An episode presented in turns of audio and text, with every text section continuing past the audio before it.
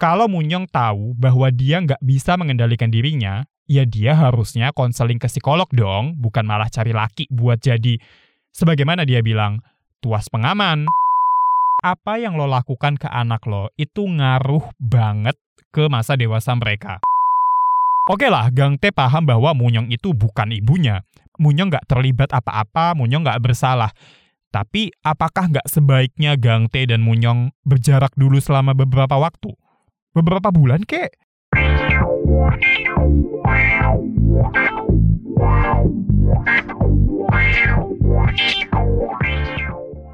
Halo, selamat datang dan selamat mendengarkan podcast Review SJW, sebuah podcast yang membahas isu sosial dan budaya, juga politik dan lingkungan yang ada dalam film, TV series, dan pop culture lainnya bersama gue, Budi Winawan.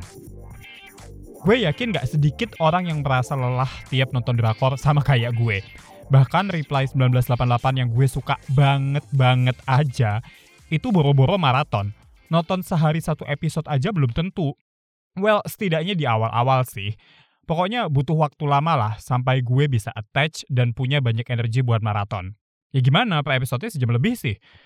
Ada bahkan drakor yang gue putuskan gak akan gue lanjut karena pace-nya lambat banget, yang adalah Hospital Playlist. Padahal drakor itu tuh yang suka banyak dan gue pun masih naksir berat parah banget sama Ikjun.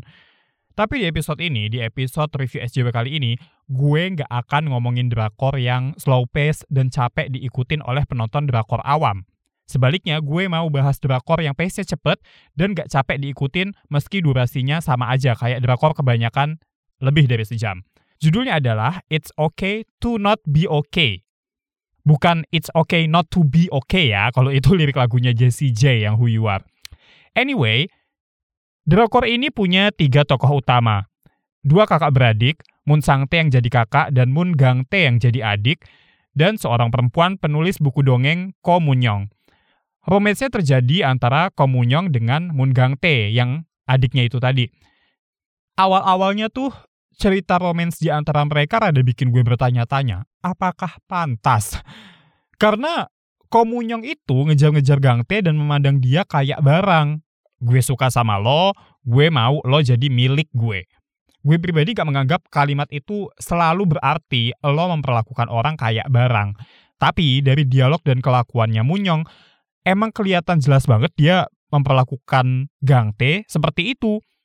Dia bahkan pernah sampai ngomong ke Gang T literally begini, Aku ingin kau jadi tuas pengamanku.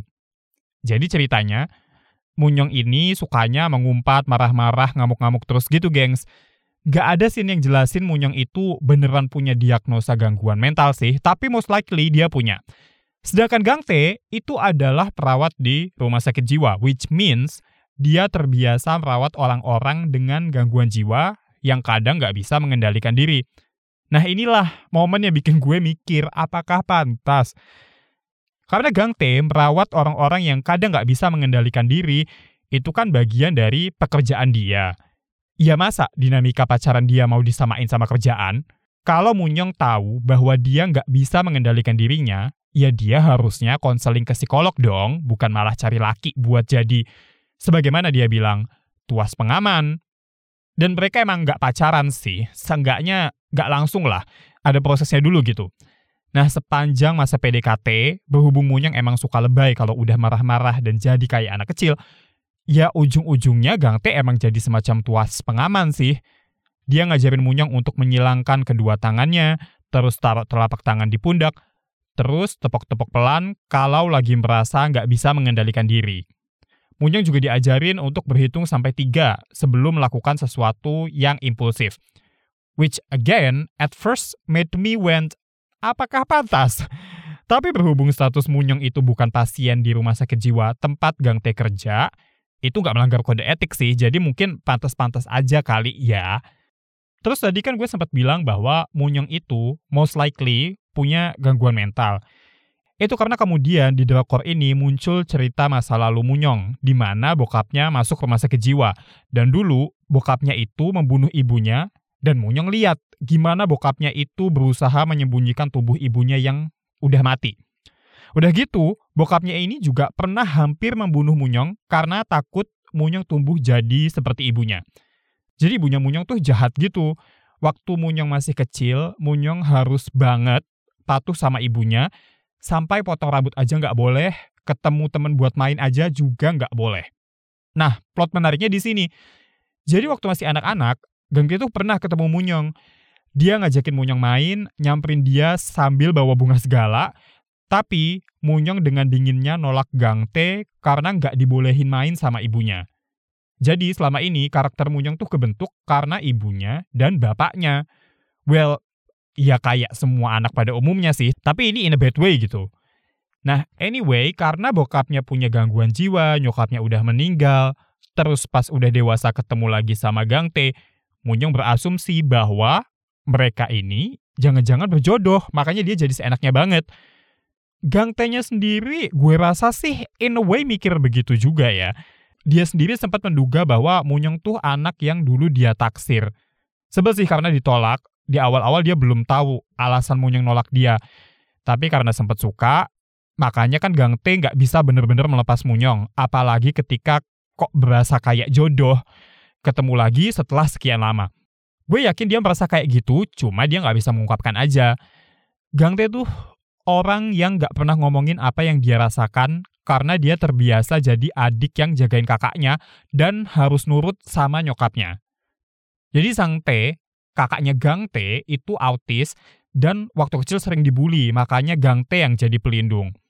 Dinamika kakak beradik ini nih yang justru gue suka banget dari It's Okay to Not Be Okay. Nyokapnya Gang T dulu tuh sempat bilang ke dia, literally begini, Sang T itu butuh pelindung, untuk itulah ibu melahirkanmu. Sumpah itu jahat banget sih. Apalagi ibunya itu bilang gitu ketika Gang T masih kecil. Gang T pun terus tertekan banget karena dia merasa ibunya ngasih perlakuan yang spesial ke Sang T, sementara Gang T diperlakukan kayak anak biasa aja enggak. Sampai akhirnya meledaklah Gang T, lalu dia teriak sambil nangis-nangis, bilang pengen kakaknya itu mati aja. Eh, beneran lah kakaknya hampir mati kecemplung di danau es, dan Gang T sempat ninggalin dia tapi terus balik lagi karena merasa bersalah. Rasa bersalah itulah yang terus bersemayam dalam hati Gang T sampai dewasa, sampai akhirnya ya dia jadi pribadi yang nggak bisa terbuka ngomongin perasaan.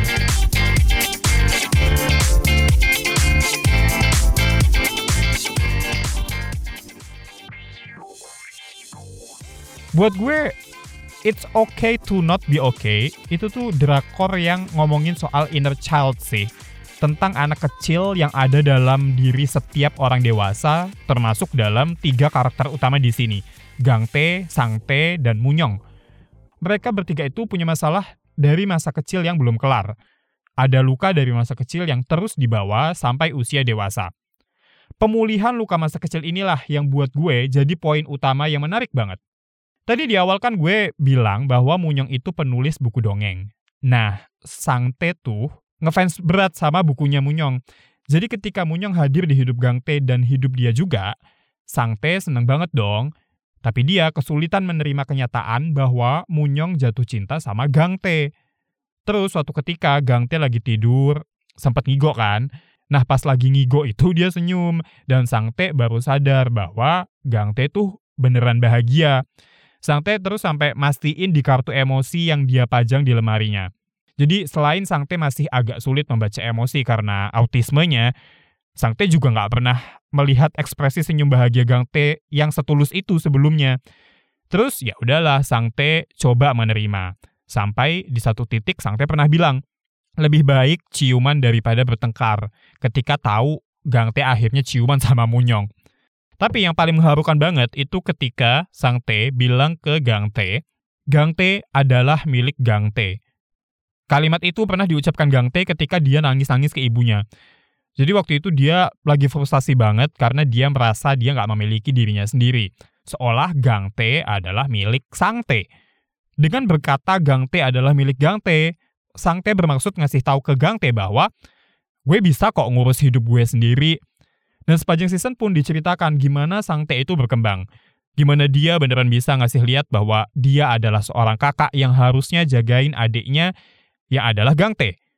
Semakin berjalannya episode, gue semakin melihat bahwa yang tanda kutip menghambat perkembangan Sang T adalah Gang T dengan rasa bersalahnya itu justru. Ketika berkata, Gang Tae adalah milik Gang Tae. Sang Tae juga sedang membebaskan Gang Tae dari rasa bersalah dan tanggung jawabnya. Parah sih, nangis banget pas di episode ending itu mereka sampai berpelukan. Bagusnya drakor ini tuh kepingan masa lalu tokoh-tokohnya dipecah-pecah. Bukan semata biar penontonnya dapat plot twist, tapi emang tokoh-tokohnya sendiri ingatannya nggak utuh. Di episode awal-awal kan Gang Tae taunya ibunya nggak sayang sama dia. Tapi di menjelang akhir season, baru dia inget bahwa ibunya pernah baik, berkali-kali bahkan baiknya. Triggernya waktu itu dari Sang Tae. Beberapa kali dia kan ribut pengen jampong. Terus pas Gang Tae bilang, ya jampong di dekat pasar itu favorit kamu banget ya, gitu. Yang terus dibales lah sama Sang Tae. Bukan aku, jampong di sana itu favorit kamu kamu dulu yang sering merengek ke ibu minta makan jampong di sana gitu. Nah, barulah muncul flashback utuhnya bahwa mereka bertiga, Gang T, Sang T, dan ibu mereka makan jampong. Belinya cuma dua karena ibunya gak mau makan. Bilangnya sih udah kenyang, tapi jelas kelihatan bahwa dia lagi irit, jadi biarin anak-anaknya aja yang makan. Ibunya juga pernah minta maaf ke Gang T karena gak memperlakukan dia dengan baik. Pernah juga ibunya ngajak Gang Tae untuk jalan di bawah payung pas kehujanan, padahal awalnya Gang Tae ingetnya dia ditinggal. Terus speaking of ingatan yang terpotong, ada juga adegan di mana ingatan Munyang waktu masih kecil balik lagi. Munyang ini benci sama bokapnya. Karena ya, kayak yang tadi gue bilang kan, udah mau ngebunuh ibunya, sempat mau bunuh dia pula. Oh, sama satu lagi, bokapnya tuh tahu nyokapnya galak dan keras sama Munyong, tapi dia diem aja. Tapi pas terus bokapnya meninggal, Munyong baru inget bahwa bokapnya pernah bacain dia dongeng. Cuma satu kali doang, tapi Munyong inget banget. Dan itu bahkan yang bikin Munyong jadi penulis buku dongeng terkenal. Cikal bakalnya dari situ. Munyong pun banyak belajar dan berkembang dari Gang T, Sang T, bahkan dari pasien di rumah sakit jiwa. Ceritanya dia tuh ngisi kelas di sana gitu, meski dia galak dan judes, ternyata banyak yang suka. Nah ngomong-ngomong soal pasien rumah sakit jiwa, gue sih jujur gak melihat bagaimana it's okay to not be okay ngomongin soal kesehatan mental ya. Setidaknya secara eksplisit. Paling ya secara implisit sebagaimana gue bahas di sini soal perkembangan pribadi Sang T, Gang T, dan Munyong. Dan pasien di RSJ sini pun lebih banyak menghabiskan waktu dengan perawat ya ketimbang dokter kalau gue inget-inget ya. Tapi setidaknya orang dengan gangguan kejiwaan di sini gak digambarkan sebagaimana gue inget di sinetron Indonesia zaman dulu gak yang ngamuk-ngamuk gitu doang, tapi mereka ini orang-orang yang punya cerita. Mereka terlihat normal, tapi ada masalah yang bikin mereka harus dirawat dan diawasi. Kayak ada orang yang zaman kecil disiksa ibunya, terus jadinya pas masih dewasa kelakuannya literally kayak anak kelas 5 SD. Ada juga bapak-bapak tua yang kelihatan sehat banget, tapi begitu denger suara bor lagi ngebor aspal gitu, dia terngiang-ngiang suara tembakan dan ledakan sampai dia nggak bisa mengendalikan diri. Ternyata bapak-bapak itu adalah pensiunan tentara yang dulu ikut perang dan dipaksa nembak orang-orang yang nggak bersalah, termasuk anak-anak. Terus ada juga anak politisi yang suka telanjang sambil lari-lari atau joget-joget nggak jelas. Ternyata dia selama ini cari perhatian terus sampai kebablasan saking nggak dapat perhatian dari keluarga. Dia malu-maluin bahkan, karena dia nggak pintar di sekolahnya. Nggak seperti kakak-kakaknya yang lain. Ada cukup banyak cerita-cerita di Drakor ini yang bahas hubungan anak dengan orang tua sih. Makanya menurut gue penting banget buat para orang tua muda, orang-orang seusia gue lah, untuk nonton It's Okay to Not Be Okay. Biar lo bisa lihat bahwa apa yang lo lakukan ke anak lo itu ngaruh banget ke masa dewasa mereka.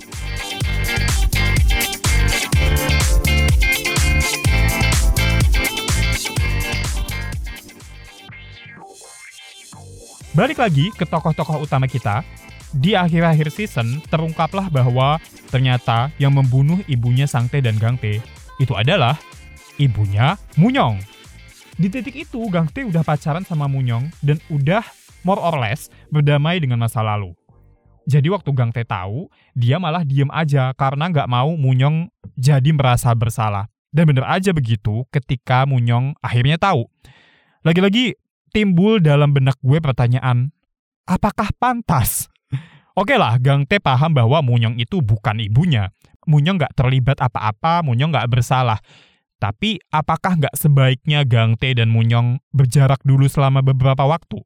Beberapa bulan kek? Ini enggak gitu. Mereka cepet aja berdamai dengan keadaan itu dan tetap lanjut berpacaran. Well, nggak langsung sih, tapi cepet gitu. Itu pun tanpa ngasih tahu Sangte sampai akhir, sampai episodenya tamat. Apakah itu hal yang baik? Apakah itu nggak bikin hubungan mereka jadi toksik nantinya? Well, ya selain karena drakor ini adalah fiksi, hidup manusia mungkin emang nggak punya pola pasti sih ya. Bisa aja kan mereka emang dasarnya udah bisa nerima kenyataan, nerima masa lalu, dan nggak menjadikannya pijakan untuk melanjutkan hidup. Dan emang terlihat begitu di endingnya. Bahkan saking bahagianya, akhirnya Munyong sama Sangte collab bikin dongeng bareng. Munyong yang bikin cerita, Sangte yang bikin gambar. Sumpah dongengnya bagus banget kalau misalnya di Gramet ada nih, gue pasti beli deh itu buku dongengnya.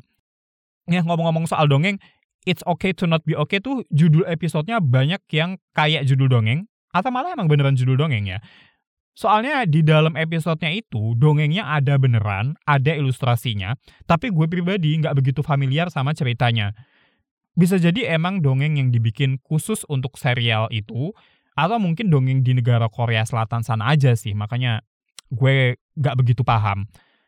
Sebelum gue tutup episode ini, honorable mention buat Jesu. Jesu ini adalah sahabatnya Gang Tae yang ngintilin dia dan kakaknya selama 5 atau 10 tahun atau malah lebih gitu. Lama lah pokoknya. Gemes sih bromance antara dia dan Gang Tae tuh. Pernah suatu ketika Jesu bilang bahwa Gang Tae tuh orang nomor satu di hidupnya. Atau di hatinya gitu. Pokoknya orang nomor satu lah. Sedangkan ketika ditanya sebaliknya, Gang Tae bilangnya Jesu tuh orang nomor tiga. Gemes banget lah berantem-berantemnya mereka tuh. Dan jadi mengharukan juga ketika akhirnya Gang Tae manggil Jesu dengan panggilan Hyong. Panggilan dari laki-laki untuk laki-laki lain yang lebih tua.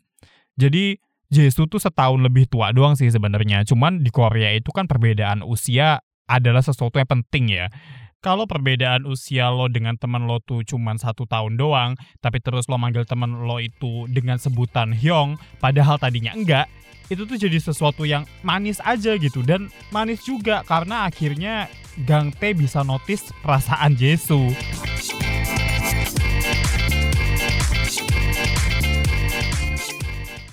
Oke, demikian episode review SJW kali ini. Jangan lupa sebarkan episode ini lewat media sosial kalian dengan mention at review SJW di Instagram dan at review underscore SJW di Twitter. Follow juga kalau belum follow, bukan cuman akun medsosnya tapi juga podcastnya ya. Terima kasih udah dengerin, gue Budi pamit, sampai jumpa di episode-episode selanjutnya. Bye-bye!